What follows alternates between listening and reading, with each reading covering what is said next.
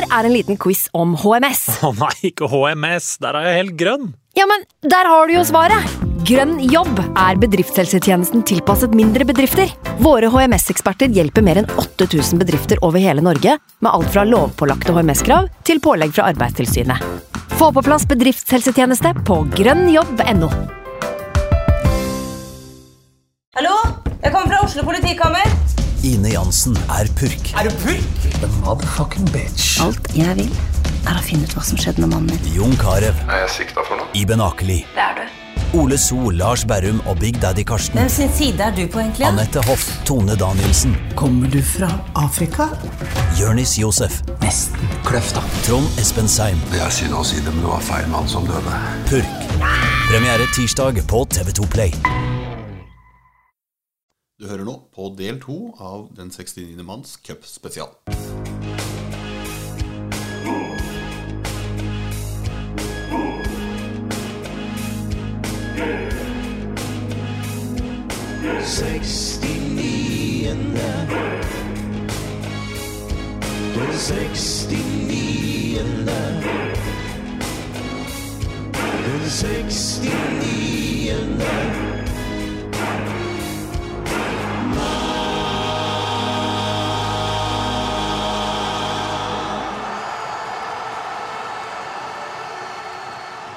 Yes. Nei, vi eh, Fjerde runde.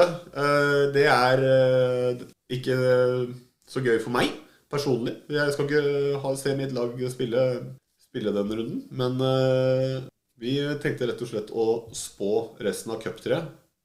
Vi har fasit for de laga som er i, i igjen. Og så må vi kåre vinner i hver av de oppgjøra, og så sitter jeg med neste runde og neste runde der igjen. og så skal vi sitte igjen med vinner til slutt. da. Det var tanken. Så eh, vi starter bare på den første kampen, som eh, kan hende at mange av lytterne sitter med fasit, så det blir jo kjedelig hvis vi bommer på det tipset, i og med at det er litt kort tid mellom episoden kommer ut og den kampen spilles. Men det er jo Ranheim-Glimt i Ranheim-Sierra.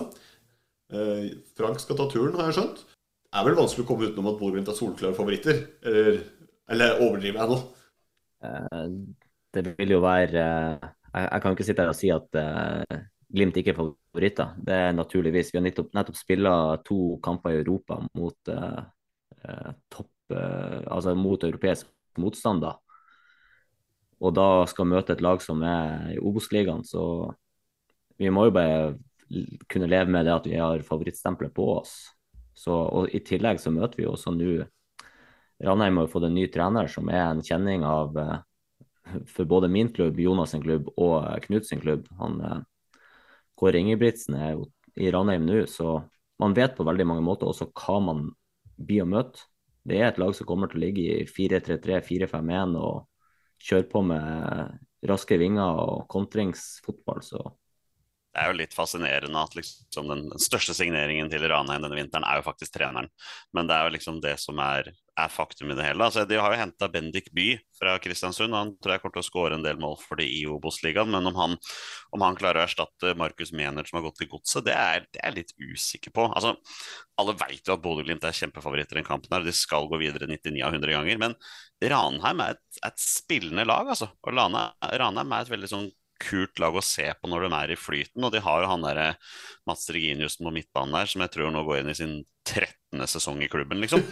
Og nærmer, seg 400 kamper. Og fyren er fra Tromsø eller Alta eller hvor han er fra. Har holdt på seg i Trondheim i så mange år. Så det, det kan jo potensielt skrelle, men jeg klarer ikke helt å se det for meg. Jeg, jeg tror Jonny, eh, ja, Jonny det, det er jo noe av det som er gøy med cupen også. fordi at Bodø-Glimt er jo ekstremt store favoritter her. Klokkerent. sant? Så har du det med cupen. Og, og, og Ranheim har jo alt å vinne. sant? Og så har de jo da, som du sier, største signeringen i år, Kåre kommet inn. Flottegutten. Og, og, og han kjenner jo Bodø-Glimt sin eh, spillestil til til beinet. Og eh, de har som sagt alt å vinne. og Bodø-Glimt har jo alt å tape.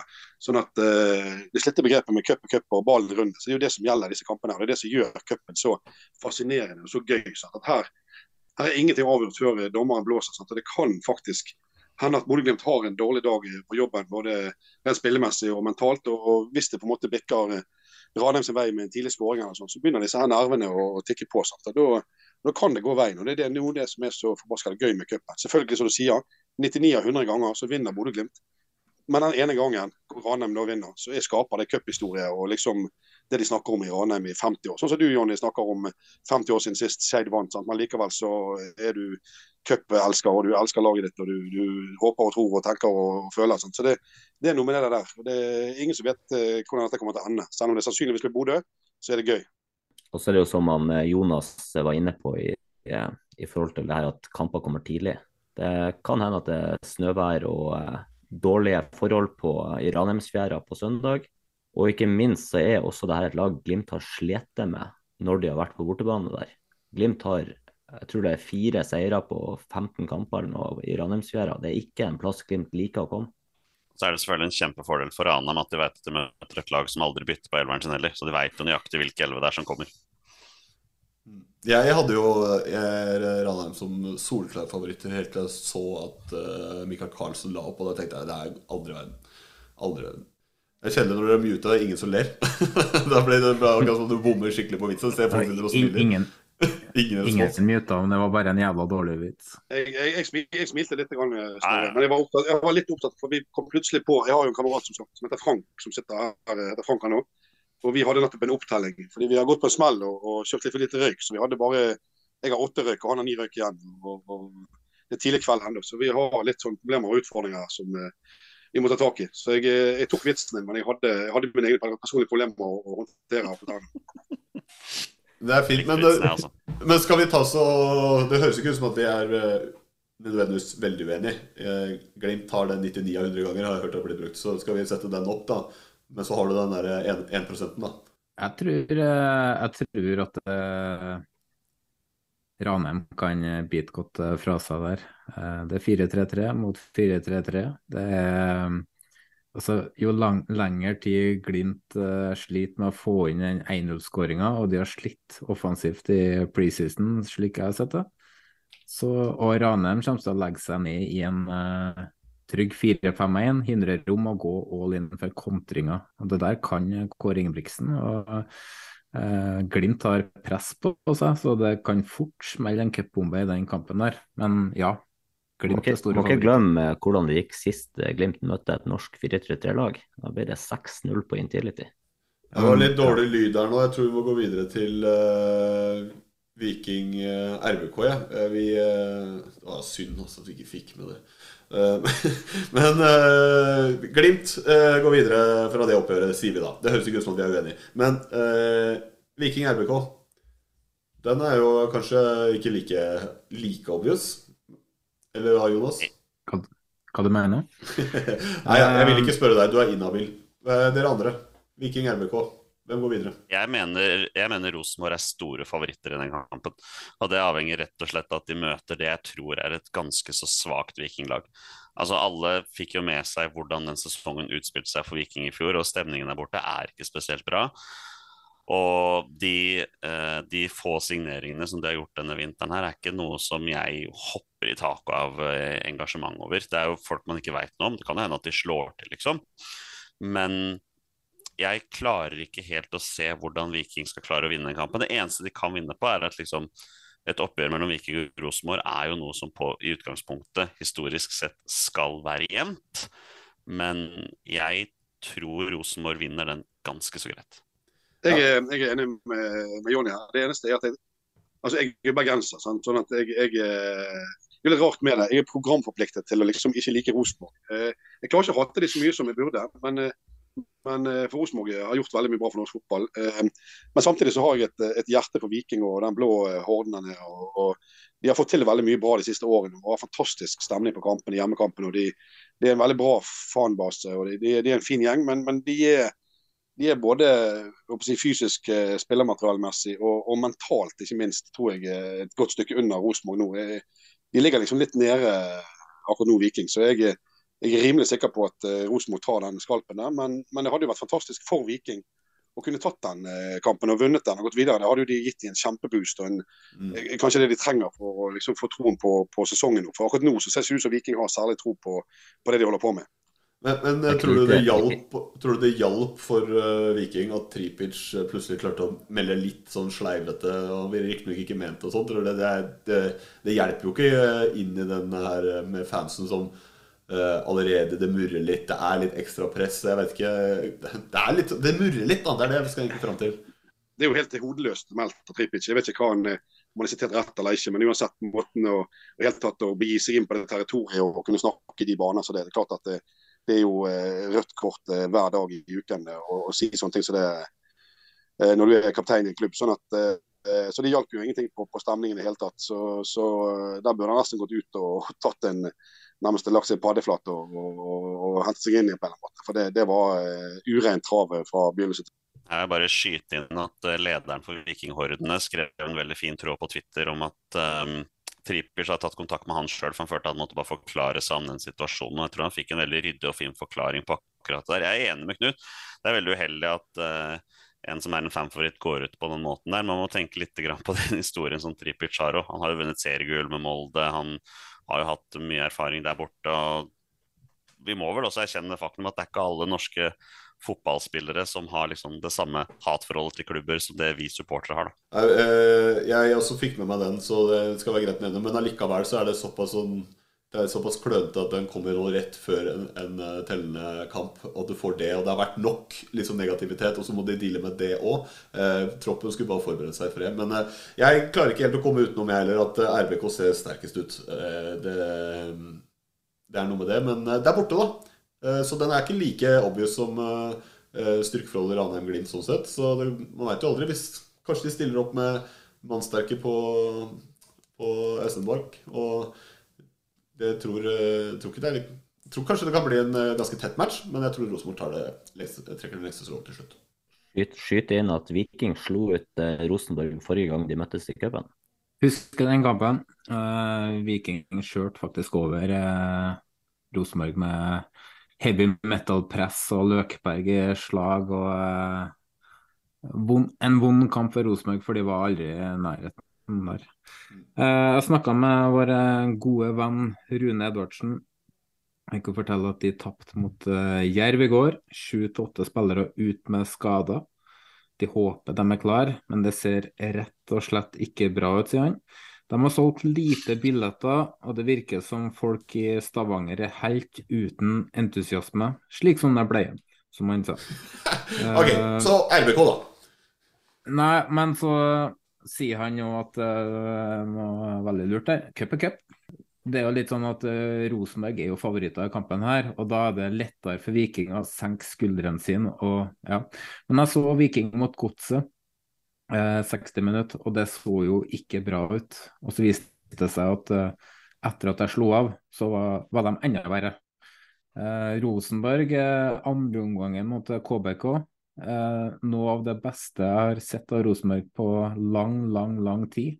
Eh, de har jobba veldig mye med å spille seg ut eh, bakfra, for eh, de fikk jo en del kritikk i fjor på at de slo mye langt. Spilte jo som, som nevnt mot Ålesund i dag på snødekt Koteng Arena. Utrolig vanskelige spilleforhold. Men der òg mestra de gang på gang i de 60 minuttene altså å spille seg ut bakfra, og så stopper det litt når, når det nærmer seg siste tredjedel så har jeg en feeling på at spillere som Vecchia skrur på litt ekstra når det teller. Eh, så jeg Og så ser Rosenborg mye mer solid ut bakover og har gjort det i alle kampene til nå. Så jeg jo tror at det her eh, Det er ikke en bombe, men eh, jeg blir overraska hvis Viking tar Rosenborg. Så må vi ikke glemme at Rosenborg har uh, cuptrener nummer én i Norge, Kjetil Rekdal. Så Jonas eh, Helmut Rosenborg. Jonny Helmut Rosenborg. Ja, Rosenborg. Og Knut? Eh, Nei, altså det, det, er jo, som sagt, det er jo klart at eh, Jonas kommer til å kose seg og bli glad. eh, Det blir Rosenborg, ikke tvil om det. Men, eh, men eh, hjertet mitt håper på Viking. eh, dessverre, Jonas, men, men jeg tror det er definitivt Rosenborg. Nei, jeg tror eh, knapp favoritt på Rosenborg. Jeg tror de får det tøffere enn det vi tror sjøl, men jeg tror de går videre. Vi går videre for å se på den neste gyseren, Skeid Molde. Eh, det er vel ikke til å skyve under en stol at eh, det er eh, et oppgjør som kanskje ligner litt på, på eh, Ranheim-Glimt i styrkeforhold, i hvert fall. Det kan man jo være ærlig på. Men kan Skeid slå Molde? Da vil jeg påstå at det styrkeforholdet der er betydelig større forskjell enn det du legger opp til der. Um, ja, det, var ikke, var ikke sånn ment, det var bare sånn det ligna litt mer enn, på det enn på Viking RBK. Det var mer det. jo, absolutt, men jeg tenker man må se litt på de premissene som er lagt der også. Skeid er i preseason, det er for så vidt Molde også, men vi har brukt treningskampene hittil på å rullere enormt mye på laget. Vi har vel ennå til gode å spille en treningskamp vi har brukt mindre enn 22 spillere. Altså Vi har stort sett bytta elveren i, til andre gang. Kampen spilles i LSK-hallen. Altså Det er ikke vår hjemmebane. Det er uh, det er liksom, Premisset er jo der, og så må vi legge til det faktum at vi møter jo den norske seriemesteren. Vi møter et lag som har en betydelig større tropp enn de vi har, og det er, det er Norges beste lag. Så det er ingenting på papiret som tilsier at vi skal få noe ut av den kampen her, så jeg får heller eh, ta den som Jonas sier, da. Bare si at cup er cup. Hvem vet? Alt kan, alt kan jo i teorien skje. Men eh, med fare for å slakte mitt eget lag altfor mye her, så tror jeg Molde er den gans ganske greit den største favoritten i denne runden. Men vi får heller bruke det til vår fordel. da. Gå ut på der, bare prøve å prestere så godt vi kan og bare, bare ha det gøy. altså. Jonny, Jonny her syns jeg du, du, snakker ned ditt eget lag litt. Dette kler ikke deg i det hele tatt. Her, eh, her, har du jo alle muligheter til å, til å dra opp. Sant? Tenk, altså, jeg, hadde de bare kunnet spilt på, på Voldsløkka nå og, og, det hadde vært litt varmere i været, så er det en kamp jeg kunne tenkt meg å vært på. Altså, fordi at, eh, det er ikke det at jeg eh, misliker Molde så sterkt, eh, for det gjør jeg ikke. Jeg misliker det ikke, men jeg har liksom ikke noe forhold til Molde. Jeg synes det er sånn ikke-lag. Jeg syns det, jeg synes det er liten entusiasme mot Molde. Jeg synes det, det er liksom litt sånn eh, blast, hele laget. Eh, fin by og alt dette greiene her, men aldri vært det der voldsomme trøkket rundt det. Og, og, sånn sett så unner jeg seg på en måte Molde ting, De har vunnet, og de, de klarer seg fint. Mens, eh, mens Skeid og helvete så jeg unner Skeid å slå Molde. Så det hadde vært så forbanna gøy. Sånn at, så der, der det, det, er en kamp jeg virkelig virkelig så Hvis det én kamp vi hopper på en skrell, så er det den kampen her at, at Skeid tar den der. Så Jonny, her må du bare melde deg på. Ja, altså Jeg får stort sett veldig ofte tyn av mine egne, for å være litt for realistisk i forhold til hvordan mitt eget lag er. Uh, så jeg skal, ikke være, jeg skal ikke være for kritisk her. Og selvfølgelig, i 2 ganger 45 så, så kan jo Skeid slå Molde, men realitetene tilsier at det ikke er noe som skal skje. Men la oss nå bare gi det et forsøk, da. La oss sende ut på de elleve beste vi har per dags dato. Uh, la de få se, kjenne litt på hvordan det er å spille på, mot et såpass bra lag som det Molde er.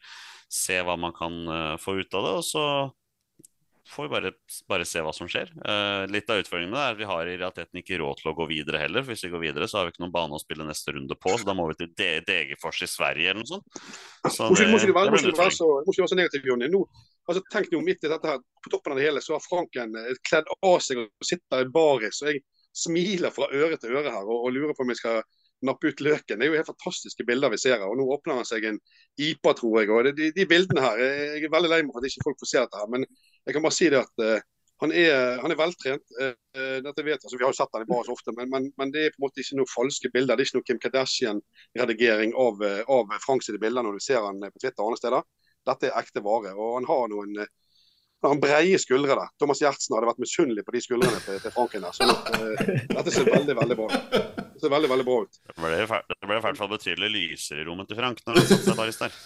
altså, altså Knut, Knut, Knut eh, evner kanskje ikke alltid å analysere en fotballkamp, men han greide bedre å analysere hvordan Frank var i baris. Det skal du faen meg ha. altså. Han ser ut som en stor flaske med melk.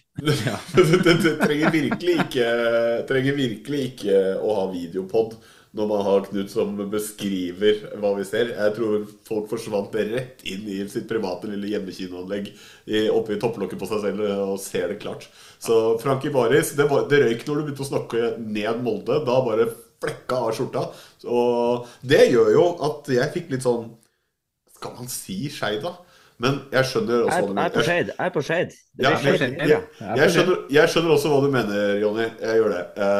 Det er David mot uh, Goliat, men hvem var det som vant den igjen, da? Ikke sant?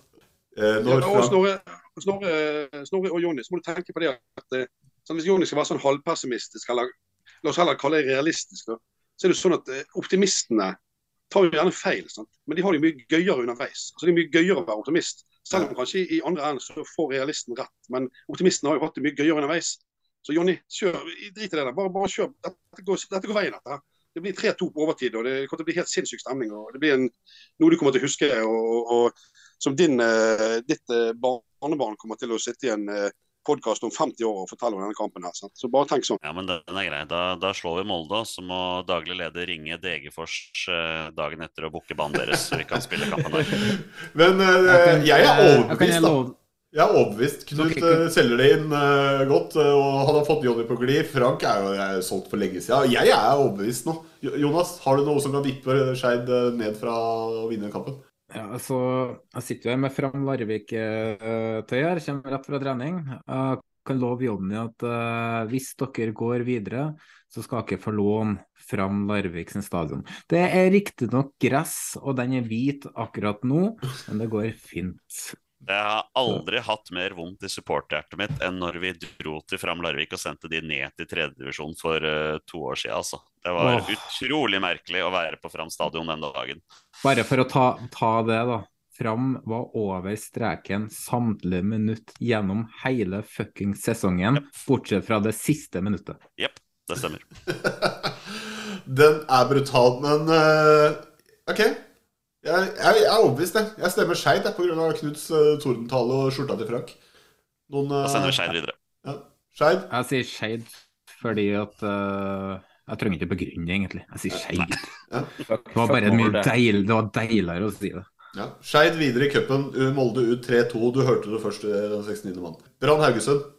Knut, det kommer sånn der pessimistisk tale fra deg. Nei, vi ryker jo lett der, og Ja, ja. Men, men her, her, eh, her, trenger ikke jeg å, å legge på heller. sant? Jeg, jeg, jeg regner med at alle dere har sett samtlige 90 minutter i Brann sine treningskamper i år som resten av Norge. Alle følger med på Brann sine treningskamper. Og nå jeg tror jeg kan si nesten uten blygsel at uh, her, her blir jeg sjokkert hvis ikke Brann tar den, uh, tar den uh, neste helg mot Haugesund. Så det er ikke det at eh, Haugesund er elendig, det er det ikke i det hele tatt. Og De er et eh, arbeidslag som, som på det jevne er tøffe å møte, og som alltid liksom eh, er påskrudd som oftest når de stiller til kamp. Men, men eh, den fotballen Brann spiller nå om dagen, og med hjertet utenpå drakten, og med den selvtilliten de har tatt med seg fra Obos-ligaen i fjor, og så de virkelig, virkelig har tatt med seg videre. Etter den overbevisende seieren mot uh, Vålerengen i dag, så, uh, så må jeg bare si at uh, altså, hvis jeg skal prøve å være objektiv, som jeg overhodet ikke er, så, så er det en Brann soleklar favoritt der. Jeg har jo bodd eh, fem år i Bergen, så jeg har også et eh, godt forhold til, til Brann. Og jeg er enig med Knut her at jeg sender også Brann videre her. Men det handler også ikke bare om at Brann er i knakende god form, men jeg er veldig usikker på dette Haugesund-laget. Altså. At de nå har solgt Safaris blant annet, så jeg tror blir stort navn. De snakker veldig varmt om han her Payasiti, som de har henta på lån fra Følheim. Han har også gode skuespill, men jeg veit jo ingenting om han. Så det går ikke an å si om det er en stor signering eller ikke. men nesten bare basert på den formen Brann er i og den entusiasmen er rundt der, så, så blir også jeg veldig overraska hvis, hvis Haugesund går videre der. Så jeg, jeg sender også Brann videre fra den kampen. Jeg kan skyte inn at jeg har snakka med Arne Tveit Katla fra Haugesund for å høre eh, ståa der, før vi diskuterer det litt videre. Han sier det at det ser ikke akkurat eh, bra ut nå. De røyk stygt for LSK i dag. Fælt resultat å spille. De var svake mot Tromsø sist. Eh, litt nytt inn, eh, litt ut. Men uh, cupkampen kommer trolig for tidlig for mange av spillerne. Stallen er bredere enn før, og det er stor konkurranse om plassene. Eh, hvis jeg skal si min mening om Haugesund og det jeg har eh, sett, og ut ifra når jeg leser stallen deres, så tror jeg at Haugesund kommer til å gjøre en veldig god sesong i Eliteserien. Og med litt tur, og hvis de klarer å få ut potensialet på topp, så med, med kantspillerne der, med Tonekte bl.a., så er det et lag som fort kan komme topp åtte. Men uh, jeg tror det er et lag som kommer til å bli bedre utover sesongen. De har uh, snittalder på rundt 23 år, veldig mange unge, spennende spillere. Men eh, Brann er storfavoritter i den kampen her, og Brann ser virkelig bra ut. Jeg kan skyte inn en litt sånn uh, interessant sak der. fordi at Brann hentet jo Tore Pedersen, høyreback, nettopp fra Haugesund uh, veldig nylig, gratis. Uh, altså En spiller som antakeligvis Haugesund da bare skrotet Nå kjenner ikke helt historikken, men i alle fall. hele Bergen tenkte at han kom til Brann som slags stallfyll som å være en backup på, på bekken. Men han har faktisk gått inn og vist eh, seg som en stjernespiller. Jeg er stjernespiller etter hardt i, men han har veldig gode takter. og Han eh, har eh, mest sannsynlig tatt fra Sven Krone, danske høyrebekken Brann hadde, som var den som hadde flest målpoeng vel i fjor eh, på Brann. og og var en mest stabile spiller til Brann, en av de mest stabile.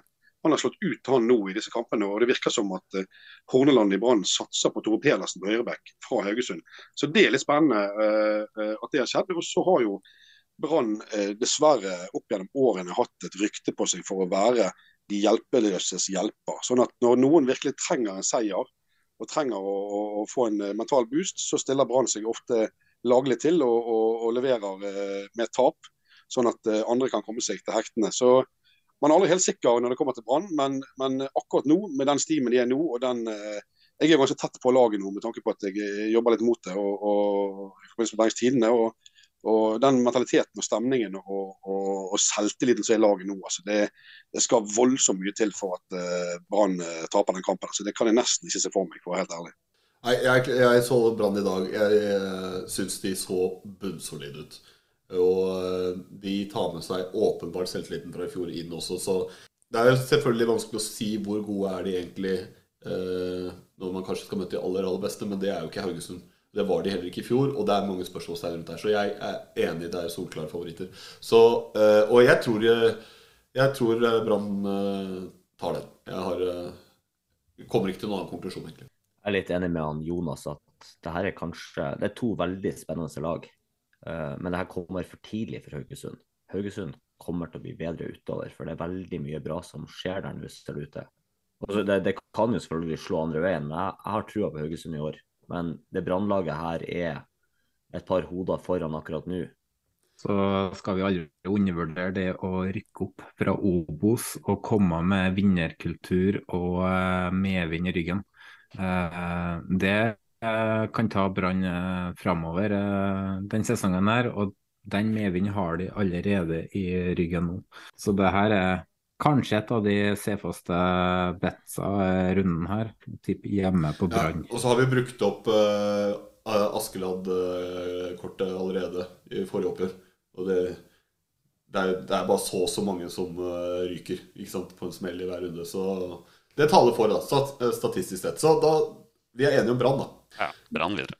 Okay, men, eh, eh, jeg må spørre Jonas. for dette, jeg er enig med det Jonas som sier det, at det å ta med seg den opp fra Obos, men det er flere lag som har gjort det tidligere. Sant? Det har kommet som et, eh, en stormvind i, i uh, Eliteserien året etterpå. Senest Brann gjorde det sist de var nede og tok sølv året etterpå. Men, men det er noen i Bergen det har vært snakk om og, og, og, i forhold til enkeltspillere på Brannlaget, Bård Finne og andre. Og så påstår man at de, at de treffer formen, formtoppen for tidlig. Og Det mener jeg er jeg mener bestemt at det, det er fjas å si at noen treffer formtoppen for tidlig. som å sammenligne det med noen som skal i en boksekamp eller noen som skal i et ski-VM. Jeg mener Fotballspillere de, de, skal holde, de, skal holde, en sesong. liksom. Enten så er du i, i slaget og hatt en god vinter. Jeg, jeg, mener ikke at det finnes sånn som å ha en formtopp, at et lag liksom en eller annen gang i løpet av sesongen er god i to uker, i tre uker, liksom når det virkelig gjelder. Jeg mener at er man god, så er man god. Jeg vet ikke hva dere mener om det, men jeg, jeg, mener at det med formtopp ikke noe begrep i, i, i fotball, sånn som jeg ser det.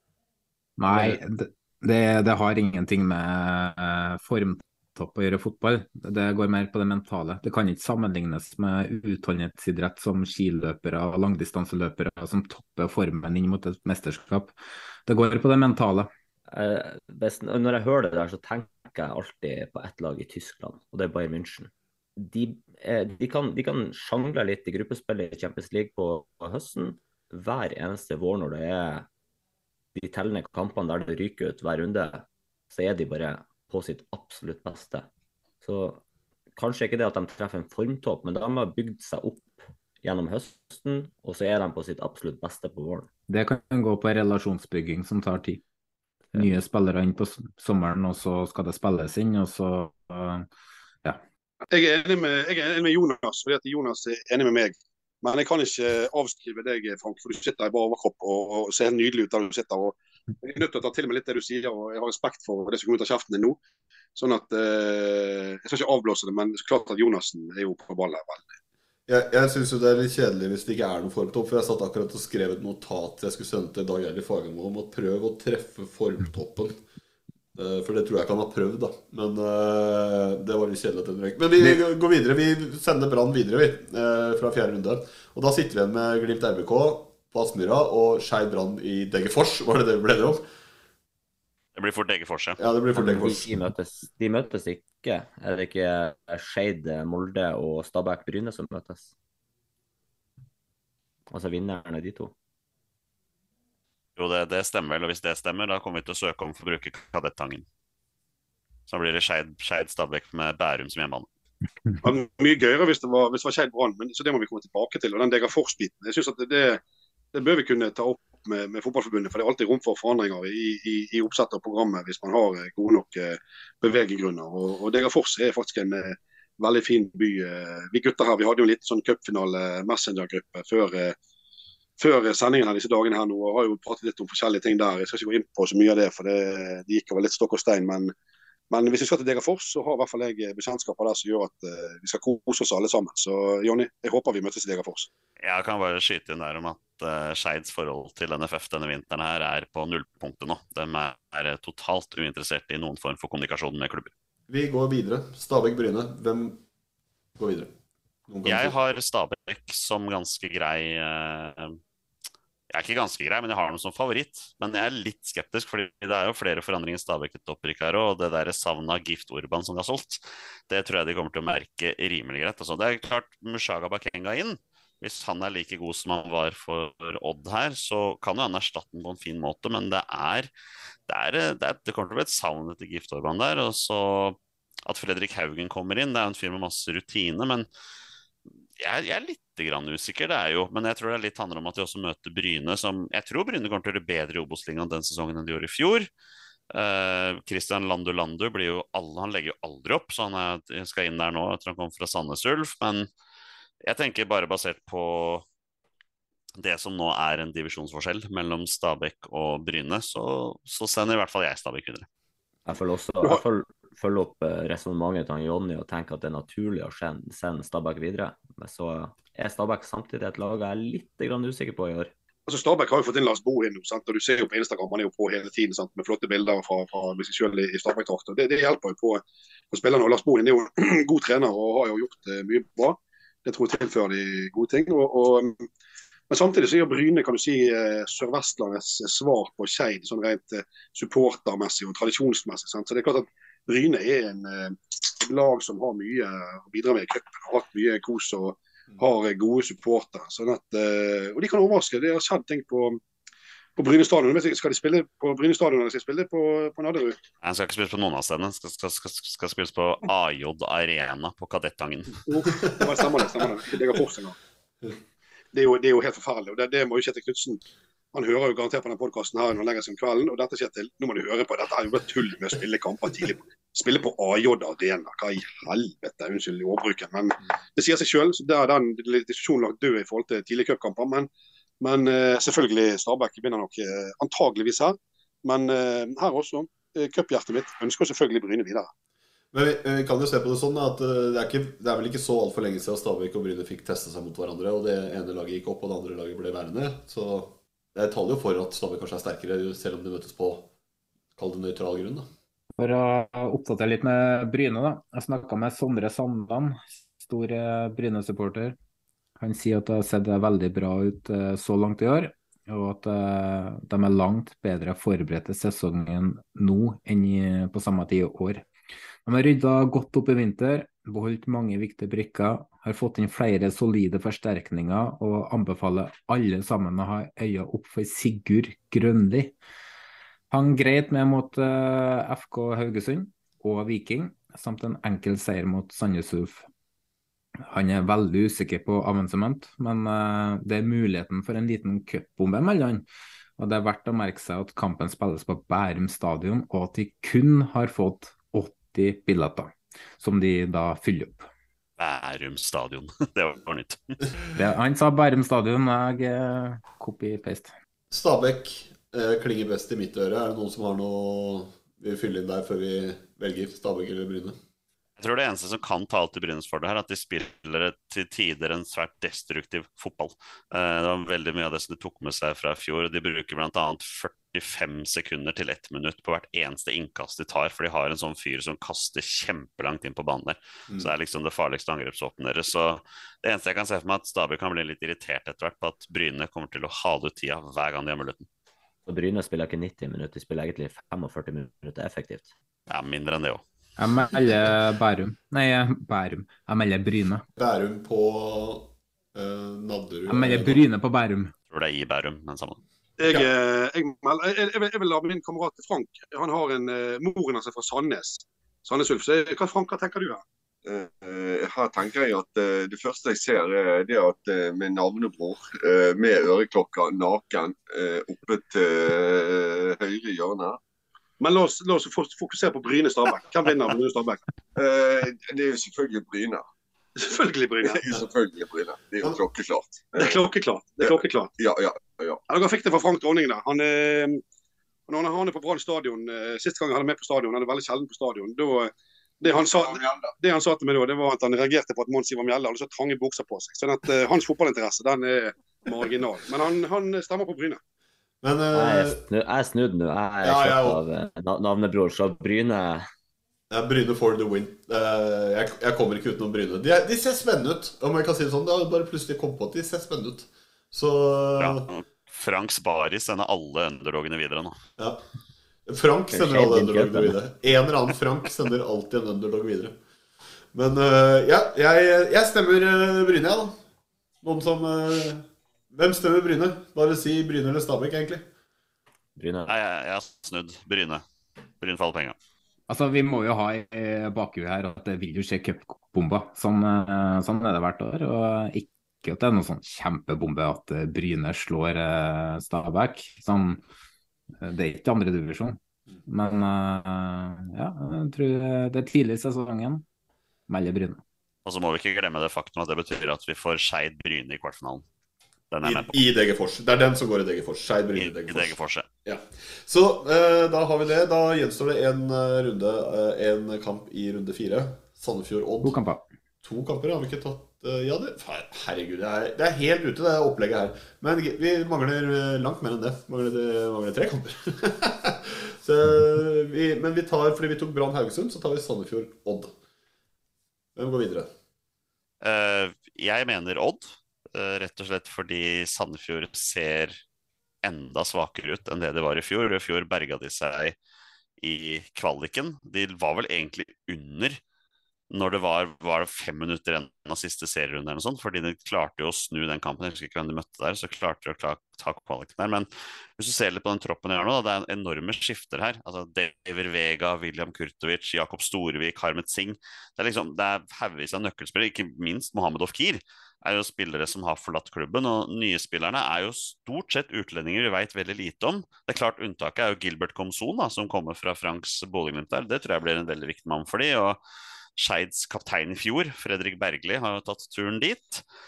Men eh, nei, det ser innmari tynt ut, med mindre noen av disse nye utlendingene slår til. da. Um, og Odd var jo veldig positiv i fjor, og veldig overraskende. Mista Bjørtuft, men jeg erstatta han med Sondre Solholm Johansen, som kommer tilbake til Norge fra Motherwell, som er en mm, tankforsvarer som jeg tror kan være veldig bra. Veldig bra. Og jeg, jeg er veldig svak for Ole Erik Midtskogen, som de har henta som spiss der. Fra Kjelsås, som har vært utrolig bra der. Så jeg har Odd videre her, så det betyr vel at det er Sandefjord som går videre. ok. jo det er bra at vi endelig kan få litt uenighet der, da. For jeg er uenig med Jonny om at Sandefjord er svakere. Det er kun på papiret. Eh, Vi har jo tidligere i meldt eh, meldt eh, eh, bare Sandefjord ned. eh, eh, jeg skulle bare si at Franken ville veldig gjerne bare Dette er veldig internt, men i forhold til Amundsen der, så har Franken kledd seg i baris, han også, sånn at guttene kan få litt Ja, ja, for Bryne de kommer langt i år. Bryne kommer langt i år. Ja, eh, det, Jeg kan vel si det sånn at eh, Franken står helt naken her nå, men, eh, men det siste vi hører fra Franken før han gir seg. Takk. Bare fortsett. Jeg er veldig uenig med Jonny med at uh, Sandefjord uh, er svakere, for det er kun på papiret. Vi har jo tidligere på den meldt uh, Sandefjord på nedrykk. Eh, nå har jeg lyst til å snakke litt om Sandefjord, for da vet jeg at eh, Lasse Ødegaard blir veldig, veldig glad. Stor fan av podkasten.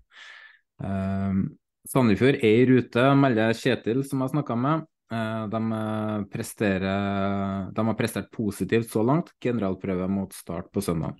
De har, fokus på det, de har fokus på det defensive inntil nå nylig, og så har de snudd til å ha fokus på det offensive nå. Eh, de hatt stort fokus på det å være intensiv og bedre i press. Og man eh, ser i prestasjonene i treningskampene at de har blitt eh, bedre. Tegstrøm rapporterer at det er høyere nivå på treningsfeltet i år. Og de står med fire seire og tre tap. De tre tapene har kommet mot LSK, Molde og Rosenborg, hvor de har tapt med ett mål. Jeg så jo kampen mot Rosenborg, og Sandefjord var på høyde med Rosenborg gjennom eh, hele kampen. Eh, de var på høyde med Molde i den kampen. Eh, jeg ser på Odd som favoritter, men, og det gjør Kjetil òg. Men Sandefjord er mye bedre enn det vi tror. Og er det én ting som uh, Hans Erik Ødegaard og Tegstrøm får til, så er det at kantspillerne i deres system de blomstrer. Og nå har de henta Komson, som jeg tror uh, blir en viktig brikke for Sandefjord. Og så har de henta uh, Al-Saed, tror jeg han het, fra nivå 3 i Sverige, som har vært enorm i treningskampene til nå. Og så har det Jakob Dunsby, som har vært god i bakhånd. I tillegg så har du styrka opp midtforsvaret med en uh, kjenning av uh, Jonny, uh, som jeg ikke husker navnet på nå. Og så um, De ser På papiret, enig med Jonny, der ser det svakere ut. Så må vi huske at gjennom hele høstsesongen i fjor så hadde de sine fem viktigste spillere ut med skade. Før den tid så lå de ganske høyt opp på tabben og hadde lett kommet topp ti, tror jeg, uten skadene de hadde i fjor.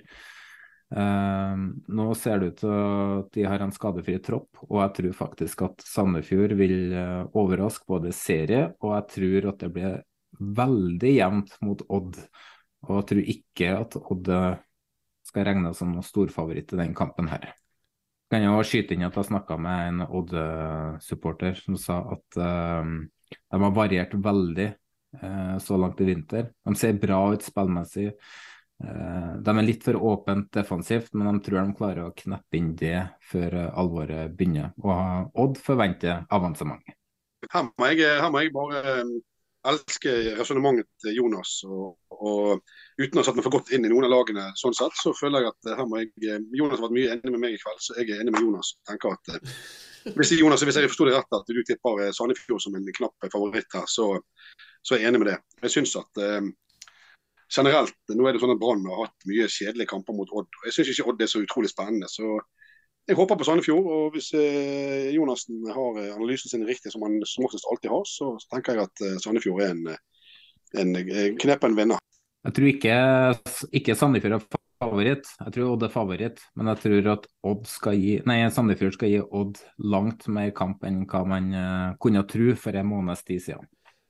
Ok, jeg stand corrected på litt, men, men eh, allikevel så, så sier vi Sandefjord.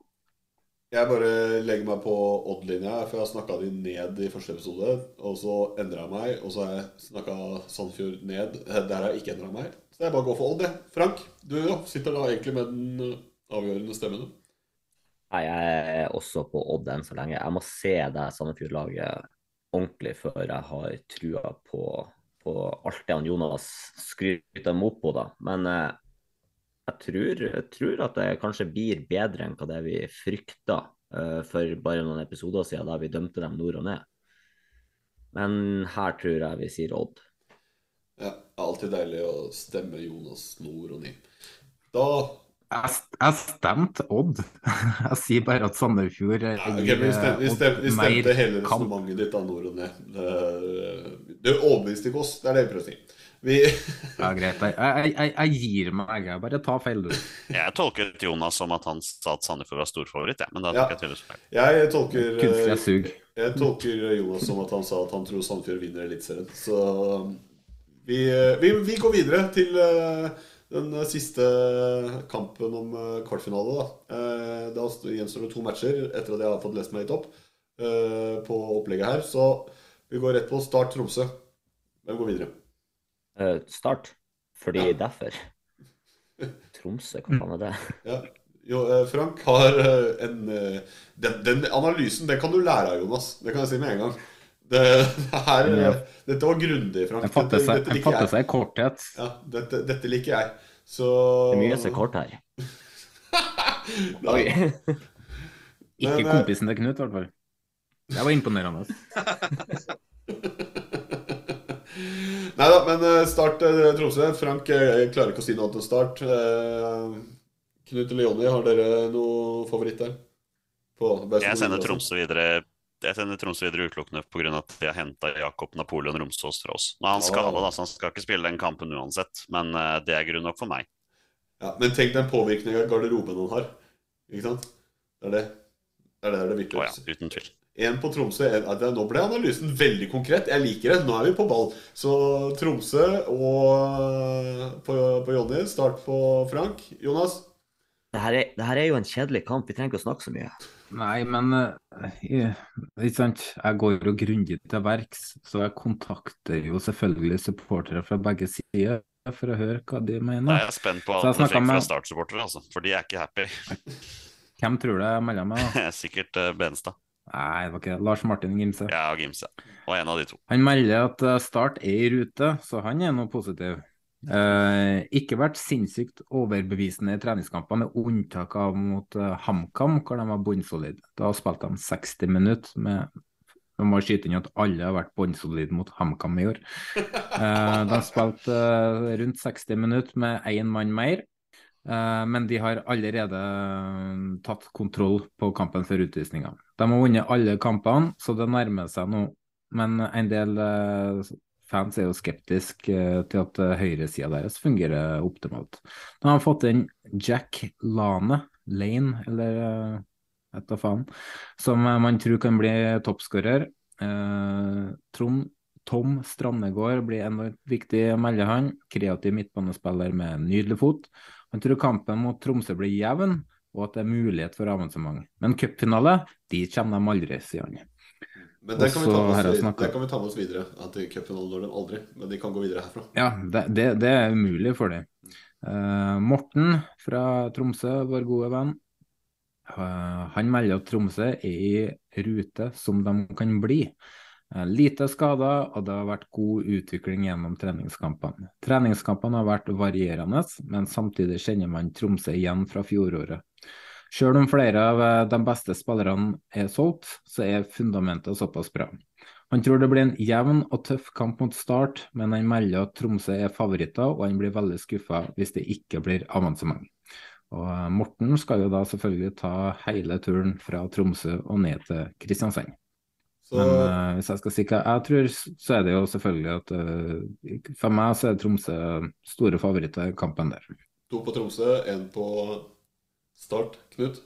Nei, altså jeg må si, eh, Tromsø er jo et eh, tradisjonelt eh, cuplag og er flink til å komme seg videre. og, og er god i cup, hvis du kan kalle det det, og hvis det er noe som heter det. Men, men, men jeg unner Lars Martin Gimse så knallhardt en liten opptur i start. Altså, det har vært så, vært så mentalt tøff reise og, på Twitter eh, og følge han hvor, hvor han er så optimistisk. Eh, litt ulikt Jonny i forkant av Start sine kamper, og, og hvor han går sånn i kjelleren har gjort i, gjennom eh, flere sesonger og hatt det tøft med Start. Så jeg unner eh, Lars Martin så hardt en, en startseier at jeg, jeg, jeg tipper Start i den kampen her.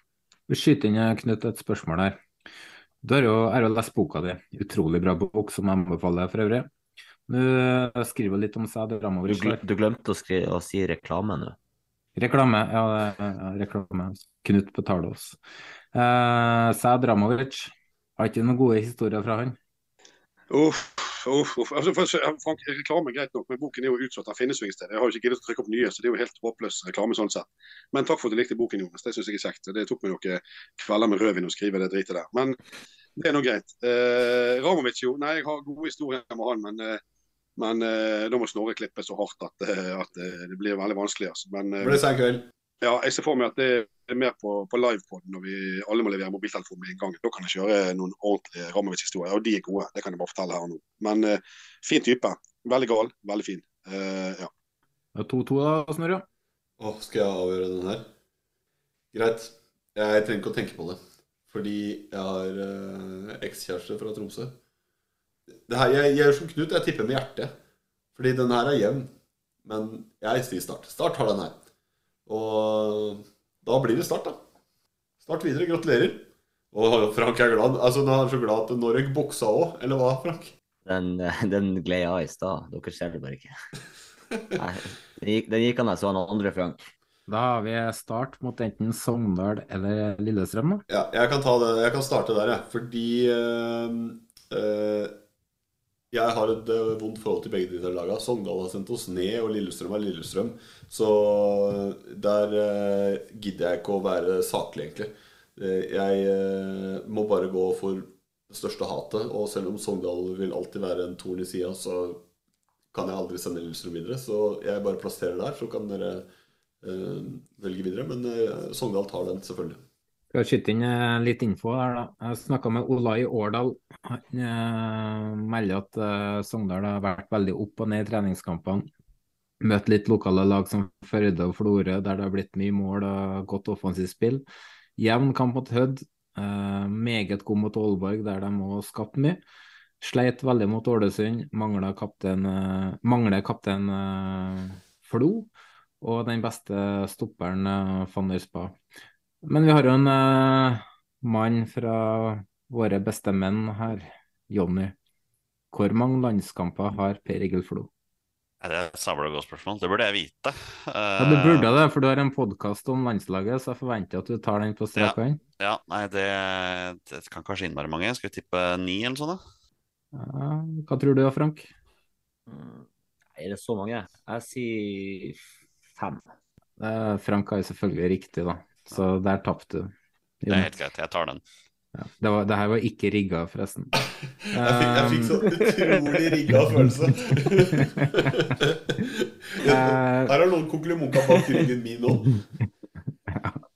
Ja, bra spalt da, Frank. Ja. Eh, Lillestrøm eh, snakka med supporter derfra. Mener at eh, Lillestrøm har den beste standen på mange år. Solid defensivt, men sliter med kreativitet og offensivt eh, i korte trekk. Eh, Lillestrøm bør eh, ta det her ganske greit. Men de gjør ikke det. Jeg, jeg må si jeg, jeg beklager å si det, Snorre. Jeg skjønner jo at dette her er vanskelig for deg å snakke om. og At du må ta en sånn liten Will Smith, sånn at dusje, sånn bare glemme hele denne samtalen. Men, men jeg skal ikke si at jeg, jeg elsker eh, Nei, altså, du skjønner hva jeg mener, men jeg skal ikke si jeg elsker Lillestrøm, for det gjør jeg selvfølgelig ikke. Jeg, jeg synes at Brann og Lillestrøm alltid har hatt gode, fine oppgjør. Og, men jeg elsker Petter Myhre og Geir Bakke. Det, det, det er jo to kompiser. Så jeg er jo inhabil. Det er jo kjempefine gutter. og jeg og De er flinke, og ikke minst. De er kjempeflinke, og de har gjort uh, veldig mye bra med Lillestrøm. og, og Jeg må være så ærlig å si at uh, og det kan sies når Vålerengen har en kjempefin supportergruppe. og Det har Lillestrøm også. De har fine, flotte supportere. og, og Det har for så vidt Sogndal med Saftkokeraden og denne gale gjengen inne i fjorden der også. Men jeg tror at uh, her må vi kjøre en klokkerein LSK-seier. tror jeg. Denne er vel kanskje en av de reneste vi har her. Ja, beklager, Snorre. Jeg er noe på LSK. Ja, men jeg må jo si at eh, jeg regna med at det kanskje kom til å gå den veien her. Så Derfor var det litt ufarlig. Da har jeg i hvert fall æren i behold. Ja, nei, men eh, da har vi vel eh, sendt eh, alle videre, da. Frank, hvordan ser det ut? Eh, Da ser det ut som at det blir Glimt Rosenborg, Start Lillestrøm, Skeid Bryne og Brann Odd. Og de lagene leste først, får hjemmebane. Da tar vi superkjapt og så tar vi resten av treet, for nå har vi gitt såpass mye grunnlag at vi trenger ikke å diskutere så mye. Uh, skal vi ta runden, da? Hvem uh, havner eh, videre av Bodø-Glimt, eh, Rosenborg? Rekdal og Rosenborg. Glimt. Rosenborg. Jeg sier Bodø-Glimt. Så det er opp til deg, Sondre. Nei, Snorre. Oi, oi, oi, oi, oi. Eh, det er sånn hvem, hvem, hvem kommer til å snakke til meg i planleggingen av neste episode? Men uh, i og med at jeg er på Aspmyra, så får jeg si Glimt, da. Start, uh, start Lillestrøm, uh, da. Nei, det blir Start, da. Det blir jo, det blir jo Start, da, fra, fra meg. Det blir jo det. Jeg, jeg, holder, på, jeg holder på den, jeg. Jeg tror vi får en kopi av fjoråret der vi får Lillestrøm-Glimt på nytt igjen i cupen. Så jeg sier Lillestrøm. Ja, dessverre Lars Martin Gimse, men dere kommer videre til neste runde. Men Lillestrøm tar dere, tar dere der, så det blir LSK der. Jeg sier også LSK. Ja, som vi alle vet, Start kommer aldri til en cupfinale uh, uansett. Så det blir uh, Lillestrøm. Men de vil alltid ha kvalikkampen. Men uh, jeg tror Start gjør det. Men uh, dere sender Lillestrøm videre igjen. Da blir det Skeid Bryne, da. Jeg tror at de på Vestlandet setter så stor pris eh, på en tur til Degerfors. Endelig får de dra til Sverige, liksom. Så den blir tight, den. Men det gjør jo for så vidt sikkert Skeid òg. Kan ha, ha med seg litt på kvota inn på spillebussen og sånn. Så eh, jeg, jeg setter en knapp på Skeid, jeg. De eh, tar seg hele veien til semifinalen. Skeid eh, Skeid fortjener den. Jonny, Jonny, vi ønsker å gjøre Jonny til en blodpositiv optimist, så Skeid tar den, tar den runden. Skal, det skal nok litt mer til enn denne runden her. Men jeg tenker at uh, vi tapte knepen 2-1 mot Bryne på hjemmebane i fjor, men vi vant 3-0 på bortebane. Så dette her blir en nøytral kamp uh, på andre sida av svenskegrensa. Uh, så vi vinner den kampen, ja. Vi går til semifinalen. Det, du, du kan lukte pokalen, Jonny. Du du er så nære nå.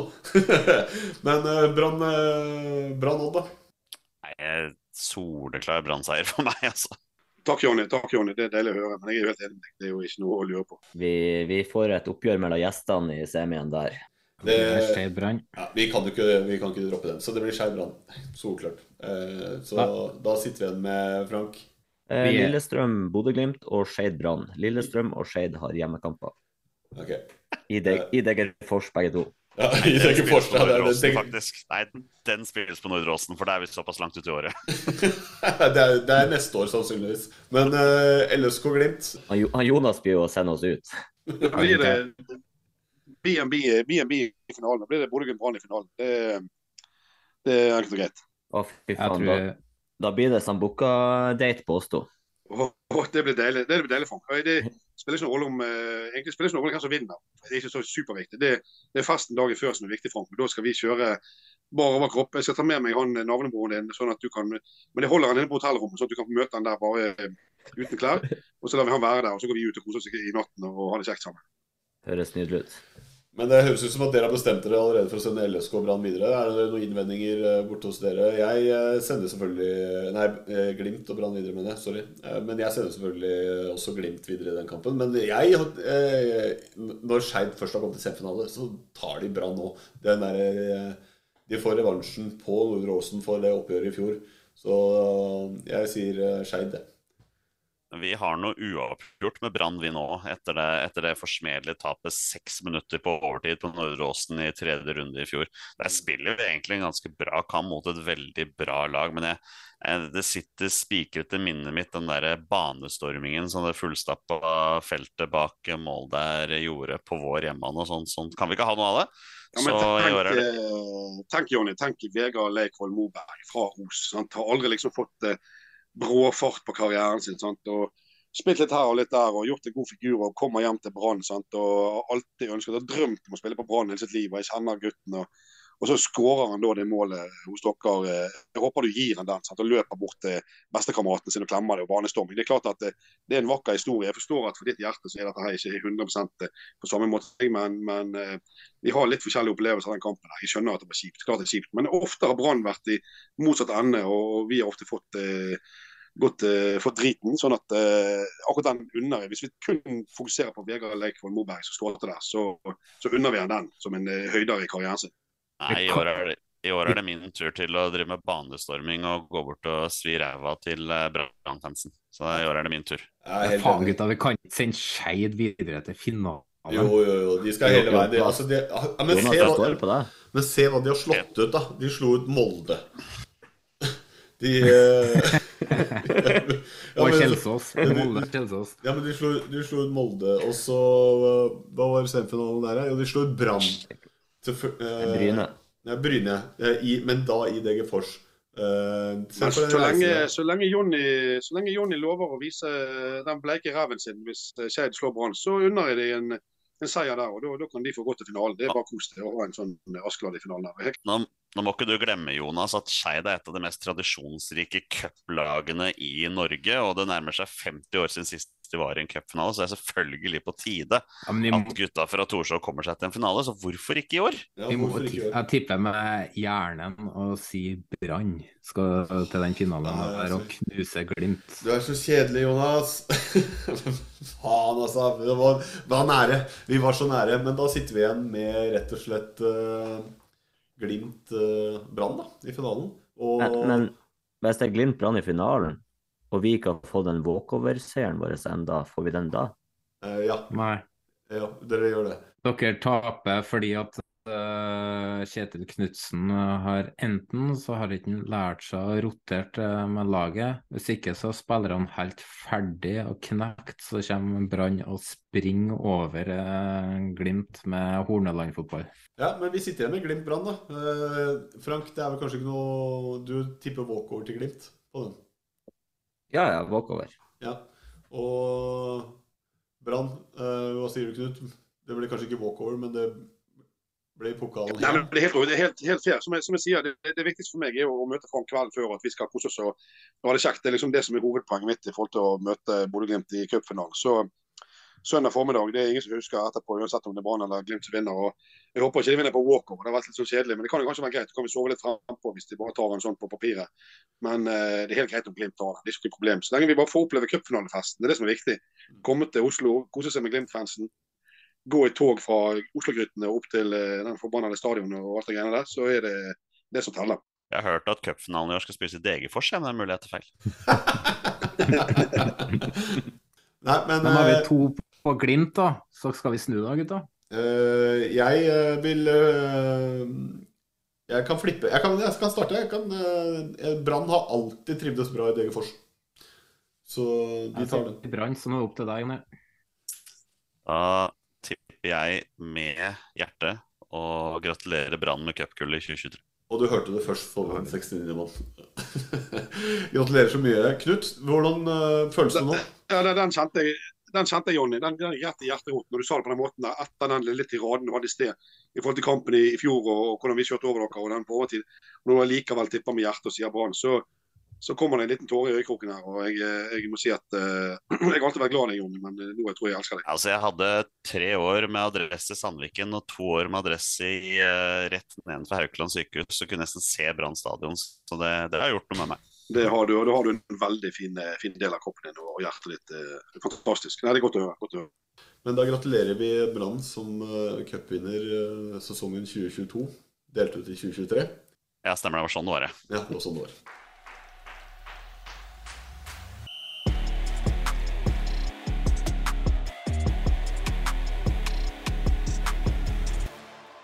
Vi har kåra en uh, cupvinner for 2022. Men uh, det er jo tradisjon å motta hedersbeviset, selveste pokalen, fra kongen sjøl. Men det er ikke alltid at uh, kongen kan møte opp. Vi har jo hatt uh, diverse vikarer som Hvis jeg ikke tar helt feil, Anette Trettebergstuen og hun Tar jeg feil når jeg sier hun der Sandra Borch? Nei, riktig. Ja. Uh, og man har I år så blir det faktisk Jeg har, jeg har kilder her, Snorre. I år blir det faktisk hun Nora, hun som er sammen med stesønnen til Håkon. det, var det, som, det, var det, som, skulle være mitt forslag også. Marius Borg Høiby og Nora Haukland selvfølgelig er de som deler ut uh, kongepokalen i år. Ja, for det, vi skulle få, det er en liten smakebit på hva vi skulle gjennom. Eh, for de som ikke skjønte det. Vi skulle foreslå uh, vikar hvis kongen ikke kunne møte, for det kan jo skje. Men uh, Knut hadde et uh, solid tips, og Jonny backer opp den. Uh, har dere noen alternativer du har lyst til å skyte der? Det kunne være døde folk òg, kan ikke Jo. Jeg tenkte først på Adolf Hitler, da. Men det blir kanskje litt feil. Men, da, da, men det er for at Rosenborg skal jo ikke spille i finalen, så det hadde vært litt artig å se. Det var jo jævlig Nå er det bekmørkt kjapt der, Jonas. Ja, um, så da... ja, men liksom gå liksom fra litt sånn skjønn, litt sånn spøkete greie med med Nora som ingen nevner i media, som snorter kokain døgnet rundt. Sant? Og så gå fra det til liksom Adolf Hitler. Liksom. Det, er jo, det, er jo, en liten Det er jo på en måte en liten bro over der. Det er jo, jeg, kan, jeg, jeg kan endre og si Kari Jakkesson, selv om det er ikke så mye forskjell på hun og Hitler. Nei, da, da går vi heller tilbake til Hitler. Da, da tar vi Hitler.